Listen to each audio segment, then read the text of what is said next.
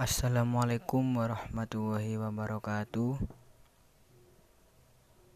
Kali ini saya akan menjelaskan sedikit tentang sistem kesehatan nasional dan jaminan layanan kesehatan.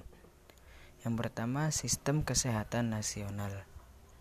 Definisi sistem kesehatan nasional sendiri adalah pengelolaan kesehatan yang diselenggarakan oleh semua komponen bangsa Indonesia secara terpadu dan saling mendukung guna menjamin tercapainya derajat kesehatan masyarakat yang setinggi-tingginya.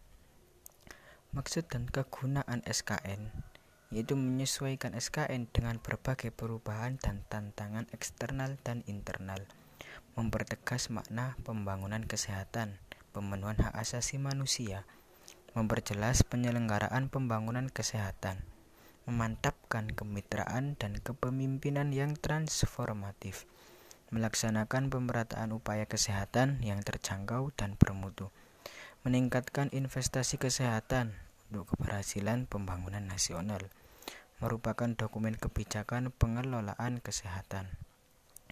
Landasan SKN Landasan Idil Pancasila landasan konstitusional pembukaan UUD RI tahun 1945 UUD Negara RI tahun 1945 pasal 28 dan pasal 34 landasan operasional Undang-Undang Nomor 36 2009 tentang kesehatan dan ketentuan peraturan perundang-undangan lainnya yang berkaitan dengan penyelenggaraan SKN dan pembangunan kesehatan. Pasal 167 Undang-Undang Nomor 36 Tahun 2009 tentang Kesehatan. Bab 8 Pengelolaan Kesehatan.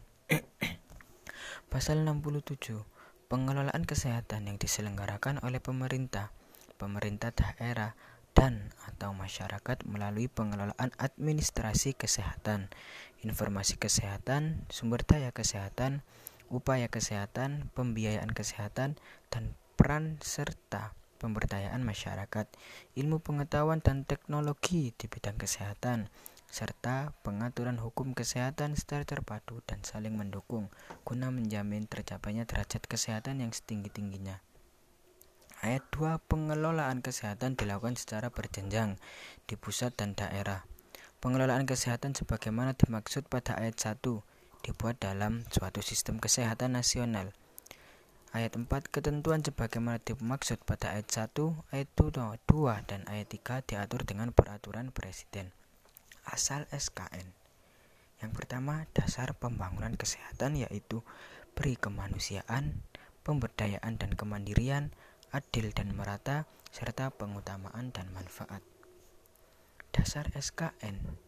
Yang pertama, beri kemanusiaan, keseimbangan, manfaat, perlindungan, keadilan, penghormatan hak asasi manusia, sinergisme dan kemitraan yang dinamis, komitmen dan tata pemerintah yang baik, legalitas, antisipatif dan proaktif, gender dan non-diskriminatif dan kearifan lokal.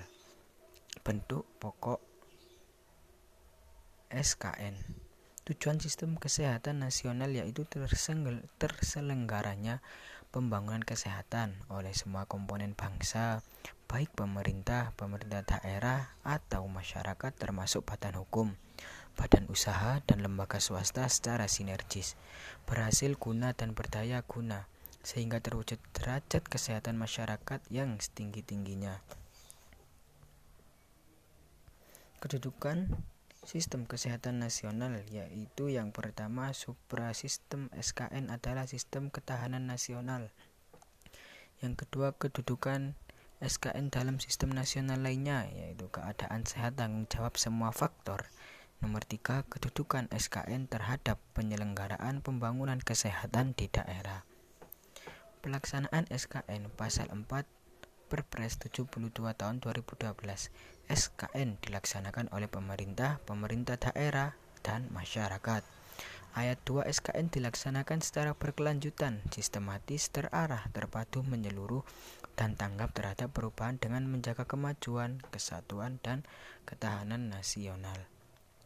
Subsistem SKN yang pertama, upaya kesehatan, penelitian dan pembangunan kesehatan, pembiayaan kesehatan, sumber daya manusia kesehatan, sediaan farmasi, alat kesehatan dan makanan, manajemen informasi dan regulasi kesehatan.